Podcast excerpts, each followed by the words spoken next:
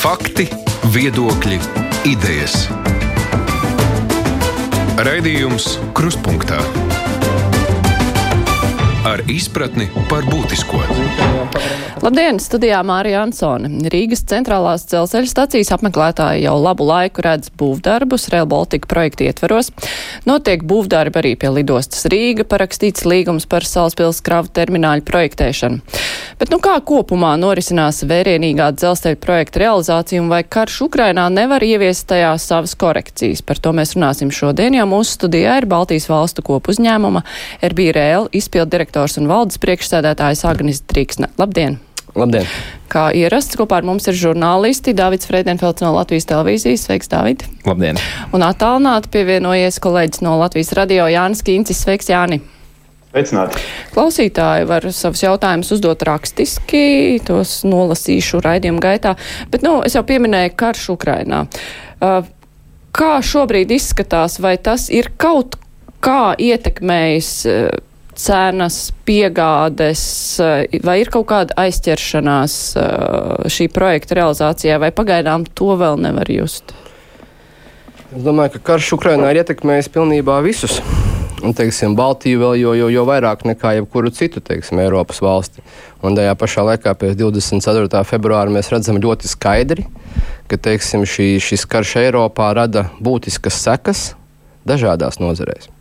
Un, ja mēs skatāmies uz Real Baltiku, tad tur droši vien ir divas lietas, ko ir jāpiemina. Pirmā, kad līdz karam Ukrainā daudz tika runāts par ekonomisko koridoru, vai mums šis dzelzceļš ir vajadzīgs, vai tā ir iespēja. Savukārt šobrīd, pēc kara Ukrainā, runājot arī ar partneriem Eiropā un ne tikai Eiropā, arī NATO, mēs redzam, ka Real Baltica ir ne tikai iespēja, bet patiesībā tā ir vajadzība.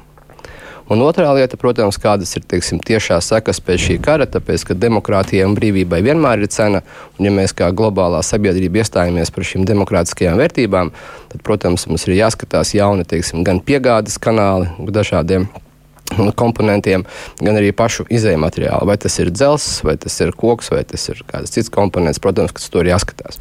Bet vai tas attiecas jau uz nu, aktuāliem darbiem, kas notiek, vai tie, tur ir kaut kāda aizķeršanās, vai arī mēs pagaidām runājam par to, kas būs tālākajos posmos? Faktiski atkal tur ir tās divas sadaļas. Viena jau, kā jūs minējāt, ir aktuālie darbi, otrais ir plānotie un topošie darbi. Jā, teiksim, Rīgas centrālajā stacijā ļoti labs piemērs.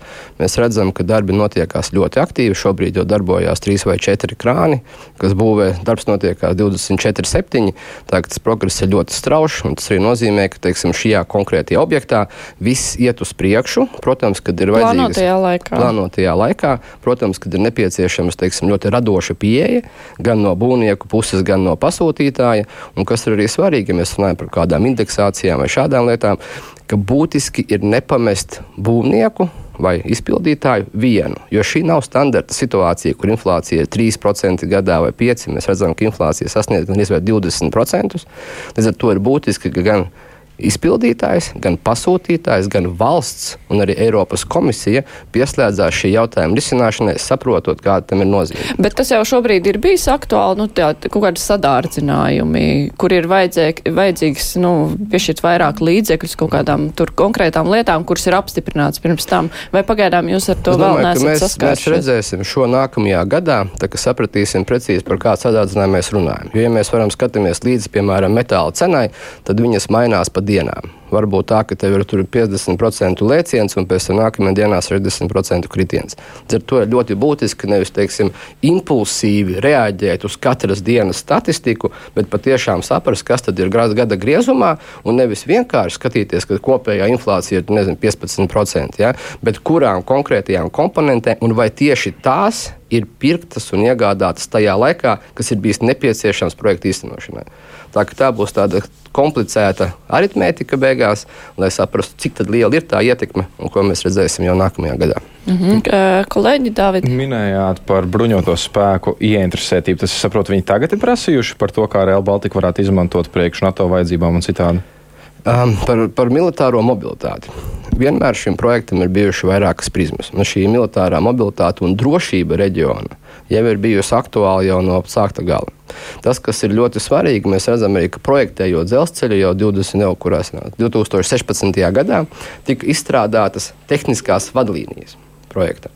Un jau tajās tika iekļauts iekšā taisni šī militārā komponente, lai nodrošinātu uh, slodzi uz asas, lai varētu pārvadāt smago tehniku, kā arī attālumu starp sliedēm. Bet šobrīd nekādu papildinājumu nav bijuši. Jā, jā, šobrīd, protams, kas ir svarīgi, ir taisni skatīties no tādas drošības militārās divos griezienos. Viens, kas ir īstermiņa nekavējošas darbības, Tas ir pārsvarā jau uz esošo infrastruktūru, un otrais ir vidējā termiņa. Un Real Baltica taisnība sanāk vidējā termiņa strateģiskais objekts. Papildus tas, kas bija kādreiz jau plānots iekšā, bija pieslēgums ādažiem. Savukārt šobrīd jau mēs esam arī pieteikuši militārajā mobilitātē un turpinās pieteikt Eiropas finansējumam, taisnība priekš šī, gan uh, savienojumu lidostā, gan arī tā skaitā Salaspīlī loģistikas centrā un turpinot attīstīt šos objektus. Vēl viens ļoti labs piemērs ir strateģiskais objekts Latvijā. Tas ir duālais tilts Salaspīlī, auto un dzelzceļa pāri Daugavai. Arī šo principā, kā, kā strateģisko militāro objektu, ir plānots pieteikt taisni militārā finansējuma komponentē. Kolēģi Jāni, Jā, es vēlējos no sākuma nedaudz atgriezties pie tā, ko jūs jau minējāt, piemēram, metāla cenu svārstības izmaiņas. Par kādu vēl materiālu izmaiņām un turklāt cenu izmaiņām un turklāt arī piegādes ķēžu, piegādes maršrutu izmaiņām eh, jūs varētu vēl arī pastāstīt? Nu, piemēram, vai tas būtu šķembas, ko kādreiz varēja iepirkt no Baltkrievijas, bet šobrīd vairs ne, vēl kāda cita materiāla, un vai ar šīm piegādēm no citām vietām nav problēmas, jo it kā būvniecība ir aktīva visā Eiropā šobrīd. Ļoti pareizs jautājums. Es iedošu tādu piemēru. Teiksim, priekšējā Baltika globālās vajadzības ir skaidrs, ka mēs nepirksim un nepērkam katrs būvnieks sliedes, katrs būvnieks šķēmas, katrs būvnieks pārmies. Tas, uz ko mēs skatāmies, mēs skatāmies mēroga iepirkumus. Tas nozīmē, ka par 870 km pērkot visas komponentes kopā, mums ir ilgtermiņa strateģiskie līgumi, kas pirmkārt jau ļauj nobalansēt cenu tādā ziņā. Otrkārt, tas nodrošina kvalitāti un atļauj plānot laicīgi piegādes, kad kas ir vajadzīgs, kurā objektā, kurā valstī. Un tur sanāk divi elementi. Viens ir pati materiāla cena, vai tas būtu metāls, vai tā būtu šķēmbas, vai tas būtu gulšņi, un otrais ir piegādes cena. Un savukārt no Real Baltica puses mēs neskatāmies uz materiālu cenu fabrikā vai ražošanas vietā. Mēs skatāmies uz konkrēto cenu tajos centros, kur viņi tiks uzglabāti jau Baltijā. Un tas ir tā konkurējošā daļa. Un tur atkal nāk iekšā jautājumi no dažādām pasaules valstīm. Ir jāmaksā muita, nav jāmaksā muita, kāds ir teiksim, izmaksas par transportu, jo pārsvarā visiem materiāliem transports sastāv ļoti būtisku izmaksu no tā paša materiāla cenas. Un otrā lieta, protams, ir par Krieviju un Baltkrieviju. Un tur ir ļoti skaidrs, tur ir divas nianses. Pirmais, kad atbalstot arī teiksim, kopējās noteiktās sankcijas un uzņēmumus, tur nav nekādu jautājumu, ka Real Baltica varētu iegādāties vai sadarboties ar tiem uzņēmumiem. Mēs pat esam gājuši soli tālāk. Šobrīd Real Baltica nesadarbojās un neiepērk neko ne no Krievijas, ne no Baltkrievijas. Bet kādas būs alternatīvas? Alternatīvas tirgus parādīs un sakārtosies. Tāpēc nav jau tā, ka pasaulē nav metāla. Esam pavisam godīgi. Vienkārši mums ir bijis ļoti ērti līdz šim esošo infrastruktūru, tepat no Krievijas viņu piegādāt. Ja līdz ar to teiksim, atradīs kanāls, vai tas ir tepat Spānijā, piemēram, kaut kur Eiropā, vai tas nāk no Āfrikas, no citiem kanāliem. Ir skaidrs, ka tirgum vajag nedaudz laika, lai pārorientētos. Līdz ar to arī jautājums, kādas ir tur izmaksas, vai tur ir būtisks sadrādzinājums, mēs varēsim pateikt tikai nākamajā gadā precīzāk, jo redzēsim, cik ilgi un cik dārgi šie materiāli izmaksas nāks līdz šejienes. Jā, un es gribu papildināt. Jā, vai ņemot vērā šos jūsu tikko minētos faktorus, eh, kaut kā varētu ietekmēt arī būvniecību būvdarbu plānus, nu, piemēram, sliežu ceļu izbūvi no tās pašas lidostas uz uh, valsts robežu Lietuvas, Latvijas, piemēram. Nu, šobrīd, ja mēs skatāmies šo šajā šobrīd, tad es neredzu tādu būtisku laika grafika nobīdi daļu šiem izējuma materiāliem. Ja, tāpēc es ļoti pārliecinās, ka tas ir tirgus jautājums un ka neviens nepaliks ne bez metāla, ne bez, ne bez grants, ne bez glušķiem, ne bez kā. To mēs visi atradīsim. Līdz ar to arī tas viss Real Baltica projekts ir bāzēts uz to, ka mēs viņu nevarēsim pabeigt vienā dienā. Nav tāds svētais datums, tur 27. augusts, ka 870 km mēs varēsim atklāt. Šobrīd ir skaidrs, ka mēs viņu atklāsim secīgi. Sākot starp 26. un 30. gadu. Un ir pieminētais šis posms, kas ir no Kaunas līdz Rīgai, tas arī varētu būt tas pirmais, kas tiks atklāts. Bet eh, mē, mēs jau šeit runājām par šo militārajām vajadzībām. Tad eh, kuri posmi ir tie, kas ir visaktuālāk vajadzīgi, nu, mēs, ja mēs domājam par eh, tieši drošību? Jo arī satiksmes ministrs izteicās, ka nu, ģeopolitiskā situācija liek izstrādāt tādu nu, laika plānu, ka, ka lai varētu vēl ātrāk pabeigt nekā ir mm. paredzēts. Vai to vispār ir iespējams un vai ir iespējams nu, kaut kā koncentrēties uz tām vietām, nu, kas ir nepieciešamas, lai, ja mēs domājam tieši par drošību? Es domāju, tā atbilde ļoti vienkārši. Tā ir pamatras. Tas ir savienojums no Tallinas, Latvija, Lietuva un pēc tam tālāk uz Eiropu. Un, uh, primāri mēs arī redzam, teiksim, ka šobrīd Somija, piemēram, jā, kā jūs visi zinat, ir pieteikusies arī dalībai NATO, kas visu laiku teiksim, nebija īsti dienas kārtībā. Līdz ar to mēs pat vairāk nerunājam par Eiropas koridoru transporta, kur Igaunija ir tālējā, tālākā robeža. Bet mēs šobrīd runājam par Ziemeļatlantisko koridoru, kur Somija ir daļa no NATO koridora. Ja mēs paskatāmies to pašu Somiju, šobrīd viņi ir ļoti izaicinošā situācijā, tāpēc, ka viņai arī bija lielākais transporta plūsmas starp Krieviju, gan ar kravām, gan ar pasažieriem. Visi lidojumi gāja cauri Krievijas laika, teiksim, gaisa telpai, un šobrīd Somija ir faktiski sala. Un tāpēc tas arī militārais elements, kas mums ir jānodrošina, lai Baltija nekļūtu par salu gadījumā, ja mums vajadzīgs ātrs un nekavējamais reaģēšanas teiksim, moments. Un dzelzceļš nav nekā ātrāk un efektīvāk pārvadāt ne cilvēkus, teiksim, gan cilvēkus, gan kravas, gan arī militāro tehniku. No jūsu teiktā sadzirdēju ļoti daudz iemeslus, kas būtu pilnīgi leģitīmi, lai projekts ievilktos un kavētos termiņi. Uh, un, uh, tomēr teicāt, ka nav konkrēta datuma, bet 2016. gadā mm. Latvijas televīzijas raidījumā Rīta panorāmā tomēr minējāt, ka varētu pirmie pasažieri braukt 2025. gadā, kas nu jau ir pavisam tuvu. Vai šie visi iepriekš jūs minētie jaunie izaicinājumi pārbīda arī šo datumu? Nu, kā jau es teicu, patiesībā mēs šobrīd strādājam uz, uz trījiem datumiem. Pirmais ir 2024. gads. Jā, lai mēs pabeigtu visus tos darbus, ko mēs jau iesākām no 15. gada līdz 20. lai viss, kas tagad ir uzsākts, tiktu pabeigts. Otrais datums ir 2027. Un tas ir tas laiks, kad varētu sākt pirmās vilciena kustības, un taisnība mēs skatāmies arī atsaucoties uz ministra teikto. Tad Latvijai, protams, ka strateģiskais savienojums ir starp Kauņu, starptautisko lidostu Rīgu un Salaspili, kas nodrošinātu gan pasažieru, gan kravu pārvadājumus un sasaisti ar Eiropu jau 27. gadā. Savukārt visu trasi kopumā mēs varētu at at atvērt secīgos posmos līdz šim 2030. gadam. Bet, nu jā, šis posms uh, bija tieši tas arī, ko minējāt tajā intervijā. Tad bija šis 25. Nu, tad tagad ir pienākuši klāt divi gadi, bet uh, šobrīd pat nav zināms, no kurienes ņemsim metālu. Ja? Minējāt, ka ir alternatīvas, tirgus nostabilizēsies un tam līdzīgi. Bet, Nu, nevajag arī pārspīlēt tādā ziņā. Nu, skaidrs, ka mēs šobrīd veicam tos konsolidētos iepirkumus, tā skaitā par sliedēm, tā skaitā par gulšņiem.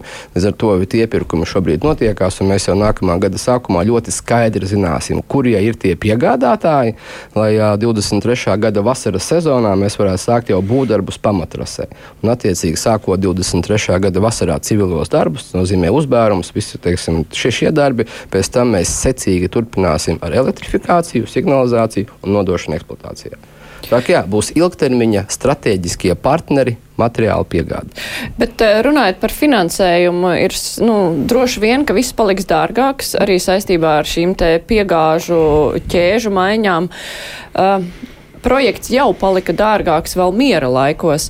Un, savukārt, runājot par finansējumu pieejamību, nu, tie lēmumi jau nav pieņemti tā, ka tagad ir piešķirts, piešķirt visi šie miljārdi un ka tagad var tērēt to piešķirs pakāpeniski, vai pašreizējā situācijā nav bažu, arī ņemot vērā, ka būs ārkārtīgi daudz izmaksu un naudas, kas būs jāiegulda vēl citur, nu, ka varētu kaut ko neiedot, vai tieši otrādi pašreizējā ģeopolitiskā situācija saka, ka tieši šo projektu atbalstīs, jo uz šo te dzelzceļa naudu jau pretendē vēl citas valstis arī. Nu, protams, ka pirmkārt jau um, no Eiropā arī tā nauda ir tik, cik viņi ir tas, kas ir šobrīd pilnībā skaidrs, kad uz šo, šī ģeopolitiskās situācijas fona Real Baltica ir kļuvusi vēl nozīmīgāks. Kā jau es minēju sākumā, tā nav tikai iespēja, tas ir pienākums faktiski attīstīt to koridoru pilnā apmērā. Joprojām tikko pagājušā nedēļā bija ar Eiropā liels pasākums, kur, kur tikās visi gan transporta pārstāvji no visām valstīm Eiropas. Un ir viennozīmīgs atbalsts Rail Baltica projektam, un arī tas, ka viņš turpmāk tiks finansēts 85% apmērā no Eiropas Savienības. Tā ka visi apzinās, ka situācija nav vienkārša kad noteikti ir sekas gan Eiropai, gan arī tām pašām graudu piegādēm. Mēs varam paskatīties, jebkuru komponenti ir, ir, ir ietekme globālā līmenī. Bet Rail Baltica projekts šajā kontekstā viennozīmīgi ir viens no nozīmīgākajiem un strateģiskajiem vidustermiņa objektiem. Jāni. Vai to, ko jūs sakāt, apliecina arī šis um, Eiropas infrastruktūras savienošanas fonds, nu, kas ir šī finansējuma tātad, izsniedzējs, ja es nekļūdos? Tad viņi arī šo apliecināja arī jūs minētajā sanāksmē nesen. Tad Droši, droši. Viņi to apliecināja ne tikai sanāksmē, bet mēs arī redzam darbos. Tikko tika saņemts un piešķirts 350 miljonu papildus finansējums Real Baltica projektam. Un mēs arī turpināsim pieteikties finansējumam gan 22. gadā, gan 23. gan 24. Un, kā jūs pareizi teicāt, nav Eiropā netiek finansēti projekti, iedodot, piemēram, visu summu pirmajā dienā un gaidot, cik nu veiksmīgi viņš tiks pabeigts. Tas finansējums tiek dots secīgās kārtās, atbilstoši progresam un vajadzībām. Un tagad, piemēram, mēs sāksim, kā jau mēs minējām, ar šo posmu starp uh, starptautisko lidostu Rīga un Kaunu, kur gan Lietuva, gan Latvija ir pieteikusies taisni šajā posmā finansējumā. Bet uh, lidosta Rīga tālāk tas uh, posms iet caur Rīgas centru. Precīzi. Tālāk, tālāk līdz Zīmantai, tālāk iziet cauri Toņkalnam, no, ienāk centrālajā stacijā, un no centrālās stacijas. Un kā ar Tallinas posmu?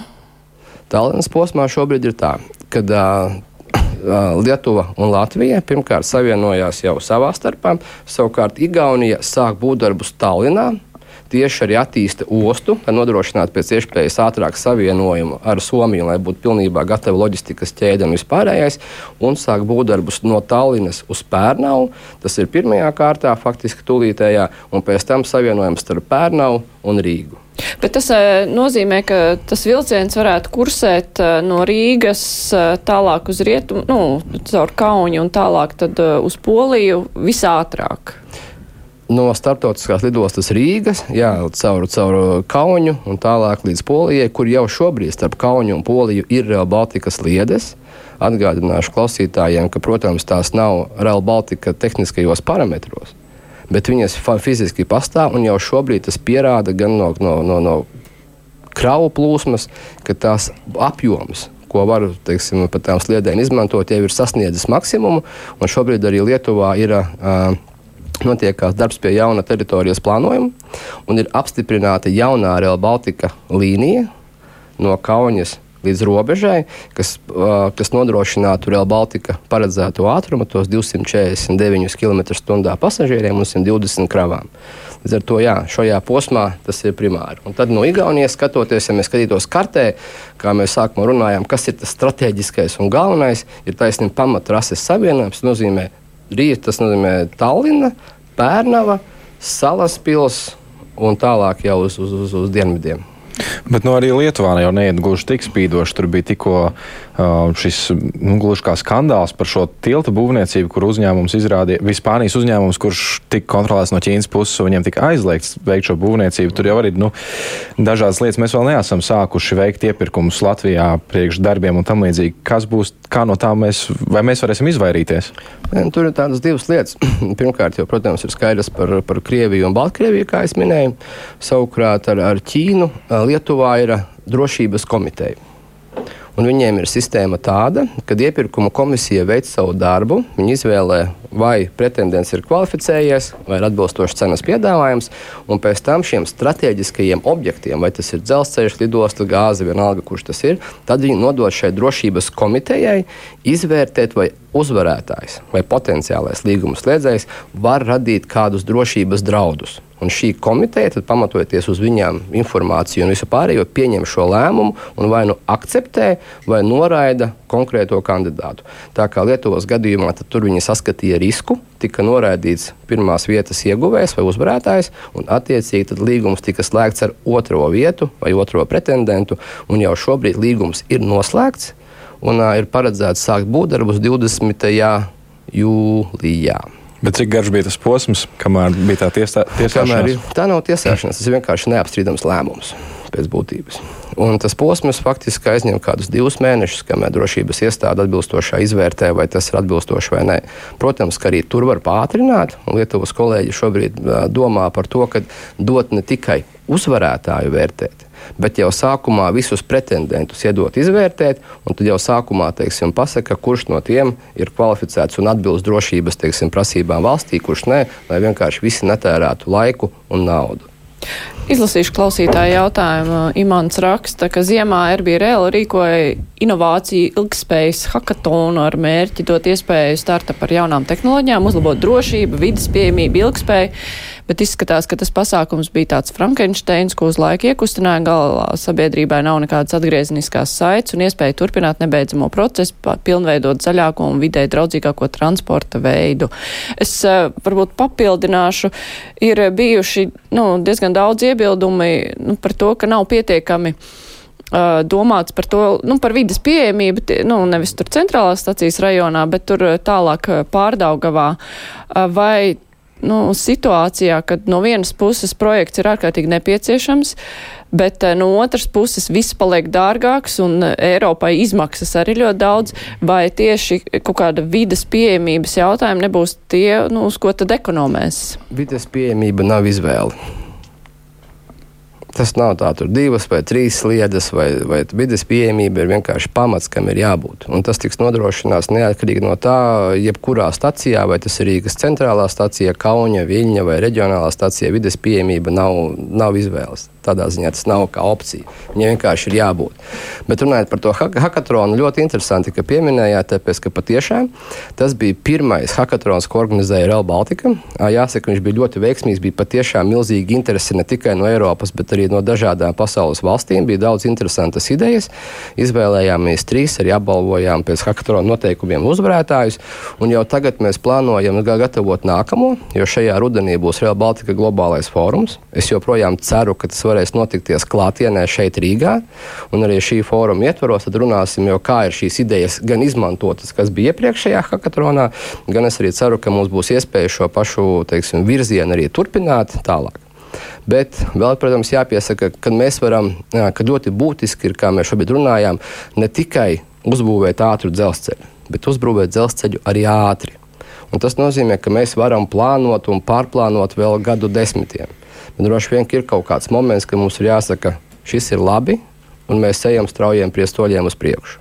Un, ja nākotnē mēs redzēsim, ka varbūt tās vēl kāda papildus savienojuma vai kaut kas, tad mums šobrīd ir jāatstāj tam iespēju, lai tā netiktu izslēgta. Bet es domāju, ka tāds apspriežu plānošanas un ideju bīdīšanas laiks ir beidzies. Mums vienkārši jāiet un jādara. Kolēģi Jāni? Uh, Vien, viens moments, ko es gribēju arī vēl precizēt, ne vairāk, bet vispirms šis viens, proti, par, nu, tiešām, kad sāksies šī sliežu ceļa izbūves, vismaz pēc plāna, tad būtu, šeit bija pieminēts 2023. gads.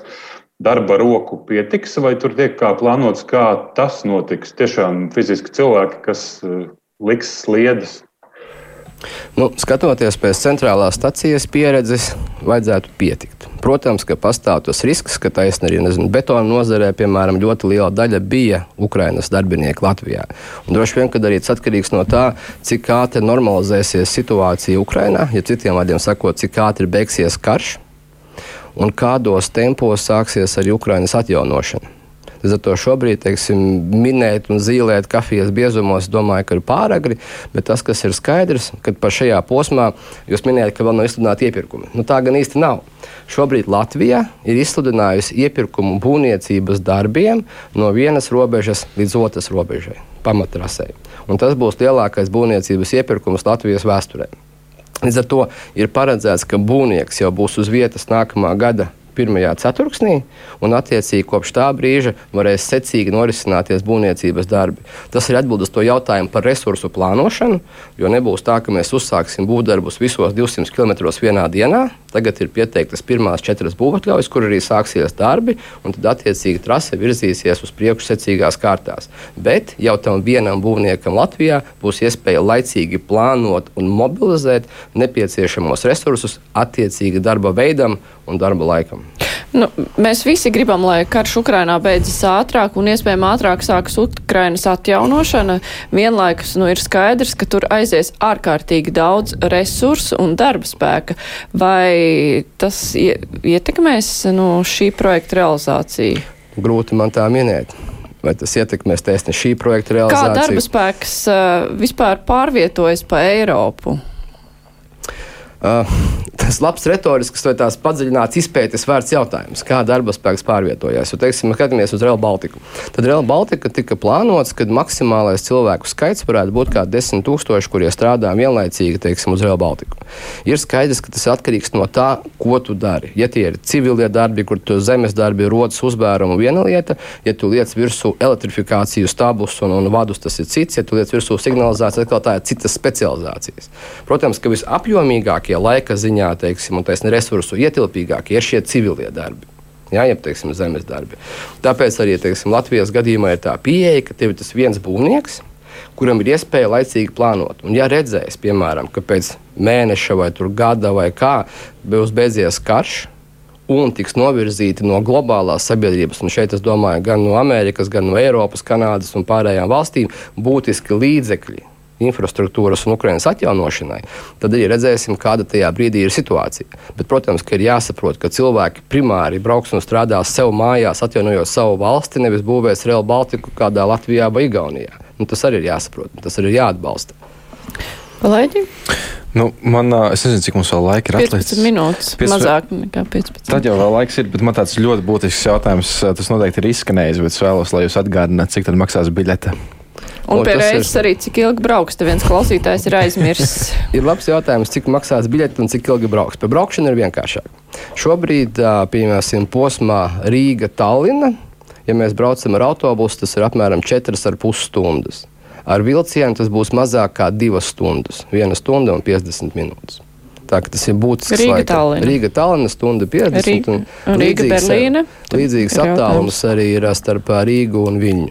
Rīga Berlīna joprojām paliek nakts vilciens, un tas ir kādas 7-6 stundas. Un cena? Lūk, par cenu ir tā, ka 22. gadā man ir grūti pateikt precīzu ciparu, un es arī negribētu viņu minēt. Bet pēc principa mēs salīdzinām dažādus transporta veidus. Mums ir auto, dzelzceļš un avio. Tātad tas pats biļete, piemēram, starp Rīgu un Tallinu. Noteikti viņa būs krietni lētāka nekā avio biļete. Savukārt viņa būs dārgāka nekā autobusu biļete jo tu maksā par komfortu, jo tev būs vilciens un par laiku. Bet tajā pašā laikā tā biļete ir jābūt tādai, ka cilvēks var to atļauties. Jo nav jēgas uzlikt biļetes cenu, piemēram, 100 eiro, un pēc tam sagaidīt būtisku teiksim, pasažieru plūdumu. Nē, te jābūt cenai, ko var atļauties tirgus, bet pēc principa lētāks nekā avio dārgāks nekā autobuss. Bet kāpēc dārgāks nekā autobuss? Latvijā jau tomēr šobrīd ir tomēr citādāk. Autobuss ir dārgāks nekā vilciens. Šī ir unikāla situācija patiesībā Latvijā. Ja mēs paskatāmies pasažieru vilciena biļetes vai dzelzceļa biļetes, ja, viņas ir divreiz lētākas nekā kaimiņu valstīs. Šobrīd mēs esam, kā valsts ir definējusi, ka dzelzceļš ir mugurkauls. Bet praksē, protams, kā katrs novads, katra pašvaldība, katra pilsēta sūta vilcienus, fozanojas autobusus pa taisno uz Rīgu, bet savukārt vilciens stājās katrā pieturā. Līdz ar to gan ar Real Baltiku, gan kopumā transportam, ja mēs ejam uz šo zaļo un drošo transportu kā tādu, ar multimodālajiem transporta punktiem, taisnīgi dzelzceļa stacijās. Tas nozīmē, ka mums nāksies mainīt arī ieradumus. Nevis braukt ar autobusu vai privāto mašīnu no katra pilsētas uz Rīgu patiešo, bet izmantot taisni šo vilcienu. Un tas arī sakārto šo biļešu cenu. Tāpēc, ka tev pieprasījums mainīsies transportā. No autobusu satiksmi šobrīd jau ir liels problēmas. Tā gribēja papildināt. Jā, es tā kā par to Rīgas tālīnu, es domāju, autobusu biļeti šobrīd maksā. Tur kaut kādā brīdī bija kaut kāds ļoti dīvains atlaists un ļoti lēts šie braucieni. Tur bija pat, pat uh, 20 eiro līdz tālumai varēja aizbraukt. Es domāju, cik tas vilciens maksās. Um, droši vien jau vairāk nekā uz pusi. Nu, tāda spekulācija. Saku, pēc principa ir vienkārši lētāk nekā avio, dārgāk nekā autobuss. Nu, teiksim, ar autobusu tu brauc uz Tallinnā 4,5 stundas, samaksās 20 eiro. Nu, ar vilcienu tu brauksi stundu 50, nu, jūs samaksāsi vairāk. Cik vairāk? Droši vien, kad arī skatoties pēc Eiropas piemēriem, ja, tev ir vilcienā dažādas biļešu klases. Viens, kas ir paaugstināto komfortu, arī tas pats autobusos, piemēram, ir, ja, ir paaugstinātā komforta biļetes. Un ir, teiksim, ir, ir, ir vienkārši tā nokļūt no punkta A uz punktu B. Tad līdzīgā principā es pieļauju, ka arī uz Real Baltica būs sadalīts tajos segmentos. Bet Piedod, es vēl, vēl īsi ja, vai tās cenas varētu būt pielīdzinātas citām valstīm, tai pašai Vācijai un tam līdzīgi, vai tomēr tas būs kaut kas atsevišķs aprēķins? To ir, principā, tas viss atkarīgs no tā, kāda būs izvēlētā taktika, kādā veidā pirmkārt jau vilcienu pārvadātāji ienāks Real Baltikā, jo ir skaidrs, ka būs atklāta pieeja. Un tas nozīmē, ka valstīm, trijām valstīm, pirmo reizi vajadzēs veikt arī kopīgu iepirkumu par vilcienu ienākšanu Baltijas valstīs. Jo šie ir Eiropas, Eiropas platuma sliedas, tas nozīmē, ka esošos vilcienus mēs izmantot nevarēsim. Tiem ir jābūt citiem, vai faktiski piemērotiem. Un tāpēc tas, kas ir uzstādījums, ka mums ir jāskatās uz trijām Baltijas valstīm, nevis katrai valstī jāpērk atsevišķi šis pakalpojums bet, ja tu viņu pēc kopējā tirgu uz 870 km, viņš ir būtiski izdevīgāks nekā katra valsts organizējot satiksmi tikai savā teritorijā no robežas līdz robežai ar, ar 200 vai 250 km. Tieši tāpēc šis Real Baltica kā pārobežu projekts. Viņš ir neatsverams taisni reģionam, viņš ienesīs tādu jaunu filozofiju, kā tādu, kā mēs sadarbojamies. Jā, es gribu vaicāt, Jā, es pašu, šī, pie šī paša piebilstot, man viens jautājums ir tajā sadaļā par atgādināt lietas, kas varētu būt interesantas plašākai sabiedrībai. Vai ir apzināts arī, kas varētu būt šī, nu, protams, ka vēl jau nekāds tas nav noticis, bet kas varētu būt šī vilciena piegādātāji? Kas, cik eventuāli vispār ir tās kompānijas, kas šādu produktu Baltijas valstīm varētu piedāvāt? Vai kāds varbūt ir interesi jau izrādījis? Nu, interesi ir nepārtraukta. Tāpēc, ka šī ir jauna līnija, 870 km garumā, un, protams, kad ir interesi no, no Eiropas esošajiem pārvadātājiem, vai tas būtu Polija, Vācija, Spānija, skatīties, kā tirgus attīstās un kāda ir nosacījuma. Tas, ko šobrīd mēs plānojam darīt, jau tuvākajā laikā, jau uz septembri, veikt plašu tirgus izpēti, intervējot vilcienu ražotājus un operatorus. Saprotot, kas šobrīd viņiem ir pieejams, cik ilgs laiks ir nepieciešams, lai piegādātu vilcienu priekšā Baltika, vai tas ir sarežģīti vai izmantot jau kādu no esošajiem, un kas tieši operatoriem ir būtisks, lai viņi ienāktu šajā Baltijas tirgu uz visiem 870 km. Jo atceramies, ka mums ir dažādi transporta veidi. Ja? Mums ir starptautiskie vilcieni, Mums ir reģionālie vilcieni, un, kad es saku reģionālie vilcieni, viņi arī dalās divos. Reģionālie pārrobežu vilcieni, kā piemēram starp Salasgrīvu un uh, Pērnavu, un reģionālie valsts iekšienē. Tā kā mēs saliekam kopā visus šos dažādos pārvadājumu veidus, tad mēs redzam pilno bildi, ko mēs varam piedāvāt. Tad mēs arī saprotam, cik lielam būtu jābūt valsts pasūtījumam pirmajos gados, lai nodrošinātu teiksim, pārvadājumus saskaņā ar valsts politiku, dzelzceļš mugurkauls. Tas nozīmē, ka ir valsts pasūtījums, un tad mēs skatāmies gan pārobežu kontekstā, gan katras valsts ietvaros. Bet jā, jautājums ir ļoti aktuāls. Līdz ar to, ja mēs gribam, lai 27. gadā vilcieni brauc, Mums par to ir jāsāk domāt šogad. Un taisni tāpēc mēs septembrī jau veiksim šīs, šīs izpēti, taisni sazinoties gan ar ražotājiem, gan ar operatoriem, lai jau nākamajā gadā valsts varētu pieņemt strateģiskos lēmumus, kā tad mēs ejam uz priekšu. Klausītājs vaicā par īpašumu atsavināšanu, pēc kādiem principiem tiek veikta novērtēšana, lai noteikti kompensācijas apjomu. Es arī papildināšu pirmkārt, kā šis process iet Latvijas teritorijā un vai arī bijuši kaut kādi strīdi par kompensāciju apjomu. Nu, vienmēr ir diskusija par kompensācijas apjomu. Būtu dīvaini, ja tādas nebūtu. Bet tā, kā notiekās? Atvainojos. Kā notiekās atsevināšana? Tātad atsevināšana ir pilnībā caurredzams process, regulēts ar likumu. Pirmkārt, jau mēs atsevinām no īpašnieka tikai to zemes daļu, kas ir nepieciešama priekš dzelzceļa. To nosaka jau pēc tehniskā projekta, pēc visiem tehniskajiem plāniem. Tu definē, kas tā ir. Pēc tam par šo daļu ir neatkarīgs vērtētājs, kurš novērtē īpašumu cenu un skatās ne tikai tirgus cenu. Bet skatās arī zaudējumus, kas ir radīti īpašniekam. Vai tā ir piekļuves maiņa, vai tur teiksim, ir kāds biznesa beidzies, ja, tā tālāk. Līdz ar to tiek vērtēts īpašuma kopums, tirgus cena plus zaudējumi. Un arī tad, ja īpašums ir sadalīts uz pusēm un, teiksim, ir jādomā, kā nokļūt no vienas īpašuma daļas uz otru. Tādi gadījumi var rasties tīpaši lielos īpašumos, ja, kas tur ir vairāki desmiti vai simtu hektāru. Tad, protams, ir jāskatās, ja, teiksim, cik tuvu ir pārvads pāri dzelzceļam, bet tajā pašā laikā man jāpasaka uzreiz, ka ilgāks ceļš uz darbu, piemēram, šādā gadījumā nevar tikt kompensēts, jo to ir ļoti grūti aprēķināt arī no tāda fiskālās ietekmes. Ja man tagad ir jābrauc pat nezinu, minūti vai divām ilgāk, nu tādas par to kompensācijas nav. Savukārt ir pilnībā taisnīga kompensācija, un ja, piemēram, īpašumam otrā daļa paliek mazāka nekā paredzēta pēc teritorijas plānojuma šai pašai darbībai, nu, teiksim, pieņemsim, nezinu, nu, tur, uh, dzīvojamai jābūvē. Ja, vajadzīgi 1200 km2, patiesībā sadalot uz pusēm, viena daļa paliek 300, viena paliek vairāk, tad tos 300 arī atsevina, jo viņi nav izmantojami. Tas nozīmē, ka viņi ir de facto atsevināti.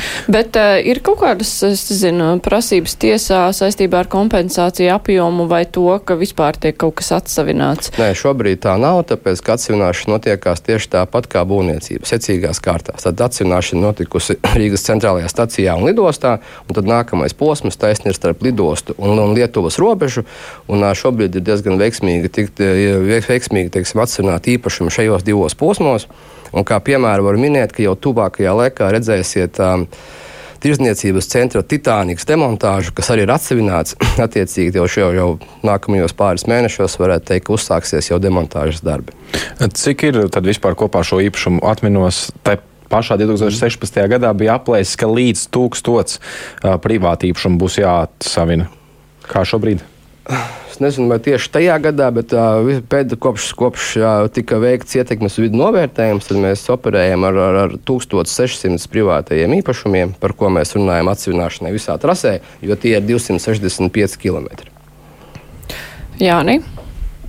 Jā, šķiet jau pašā šīs sarunas sākumā, ja jūs pieminējāt par tiem darbiem, kas notiek autoostas un centrālās stācijas apvidū, nu rīznieki jau šķiet varētu būt pieraduši pie tā, ka tur ir zināmas nērtības.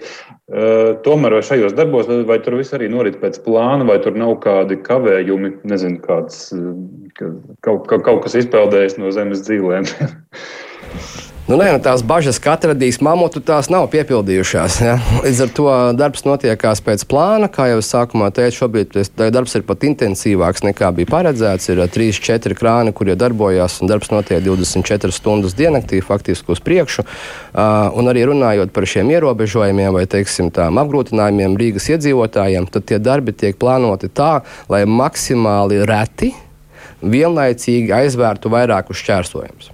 Nu, ja tā ir piemēram Latvijas iela, kas ir jāizver uz kaut kādu laiku, tad obligāti paliek vaļā gan dzirnavu iela, gan viss pārējais. Par to, es... to jau laicīgi mēģina plānot. Varbūt kaut kādi darbi, kur fiziski nav iespējams neaizvērt divas ielas, bet ja tas ir, tad tiek laicīgi plānos, lai viņas neaizvērtu. Mums ir ļoti maz laika, vienkārši palīdz, bet būs kaut kāds brīdis, nu, ka Rīgas centrā ap stāciju būs tādi ļoti, ļoti, ļoti spēcīgi ierobežojumi, ja mēs salīdzinām ar to, kas tagad laiku nu, laikam tiek aizvērts. Zināms, tad līdz tad nav tās brīdis paredzēts, jo viss ir domāts kārtās. Tā kā mēs šobrīd pārbūvējam dienvidu kārtu secīgi, tāpat tās ir pārbūvēta ziemeļu kārta. Un faktiski ierobežojumi viņiem ir kaut kādi līdzīgi. Un, ja līdz šim brīdim mēs neesam redzējuši, ka stacija ir pilnībā aizvērta, tad tas arī tā ilgtermiņā un būtiski nebūs un nevar būt jo mums ir jānodrošina gan autobusu satiksme, gan arī esošā dzelzceļa satiksme. Uz brīdi bija slēgti šie tuneļi pārvadam Rīgā, un es zinu, ka pašvaldība neļāva viņus slēgt uz tik ilgu laiku, cik to vēlējās būvnieks. Vai tur izdevās pagūt šajā viens, manuprāt, bija viena nedēļa izdarīt to, ko bija jāizdara tajā brīdī? Nu, jebkurā būvē, tīpaši tādā, kurā joprojām notiekās darbība. Tāpēc, ka darbojās gan veikals, gan dzelzceļš, gan pasažieri pārvietojās, pirmajā vietā ir drošība. Ja, līdz ar to, jebkas, kas tiek darīts, lai nodrošinātu šos būvdarbus, viņiem ir jābūt drošiem. Un, ja ir nepieciešams aizvērt kaut kādu daļu no tuneļa, dēļ drošības prasībām, tas ir vienkārši jādara. Atkal, atkal maksimāli pielāgot cilvēku vajadzībām, lai varētu pārvietoties, bet saprotot ja, bet arī būvniecības secību. Bet tur paspējāt tajās nedēļas laikā, jo es saprotu, būvnieks gribēja divas nedēļas, bet pašvaldība ļauj tikai uz nedēļu slēgt šos tuneļus. Nu, ja viņi ir vaļā, tad jau paspēja. Te ir mm, jautājums, bet droši vien, ka drīzāk vēlējums no klausītāja, kāpēc ir tik zemā līmenī sabiedrības informēšana par satiksmes ierobežojumiem un iespējamām alternatīvām gājējiem, autobraucējiem, velobraucējiem, cilvēkiem ar bērnu ratiņiem acīm redzot, informācijas pietrūkst. Tāpēc Nodošu ir... būvniekiem un kolēģiem Jā. pastīsimies, kā var šo uzlabot. Jo, principā, cik es redzu un sekoju, tad jau ir katru dienu faktiski kāda informācija, un, ja tiek slēgta iela, par to jau ziņo diezgan laicīgi. Teiksim. Un nevis vienkārši saš, samazināta satiksmes caurlaidība, bet, ja ir gadījumi, ka patiešām iela jāslēdz uz kaut kādu stundām, vairākām vai uz diennakti, tad par to jau tiek informēts patiesībā pa visiem kanāliem, ieskaitot radio un pa televīziju. Nu jā, bet acīm redzot, tādas norādes tieši uz ielas pietrūkst, jo cilvēki iet kaut vairāk. kur atdurās un pēc tam jāiet atpakaļ. Nu, ja cilvēks tā rakstā, tad nērtības tā ir tad ir. Jā. Nē, bez nērtībām nes, nestis, kā saka, olu, kā omleti neseps, nesas to čaumalu. Nu Jā. jā, bet vienmēr var labāk. Vienmēr var labāk. Labi, es saku paldies.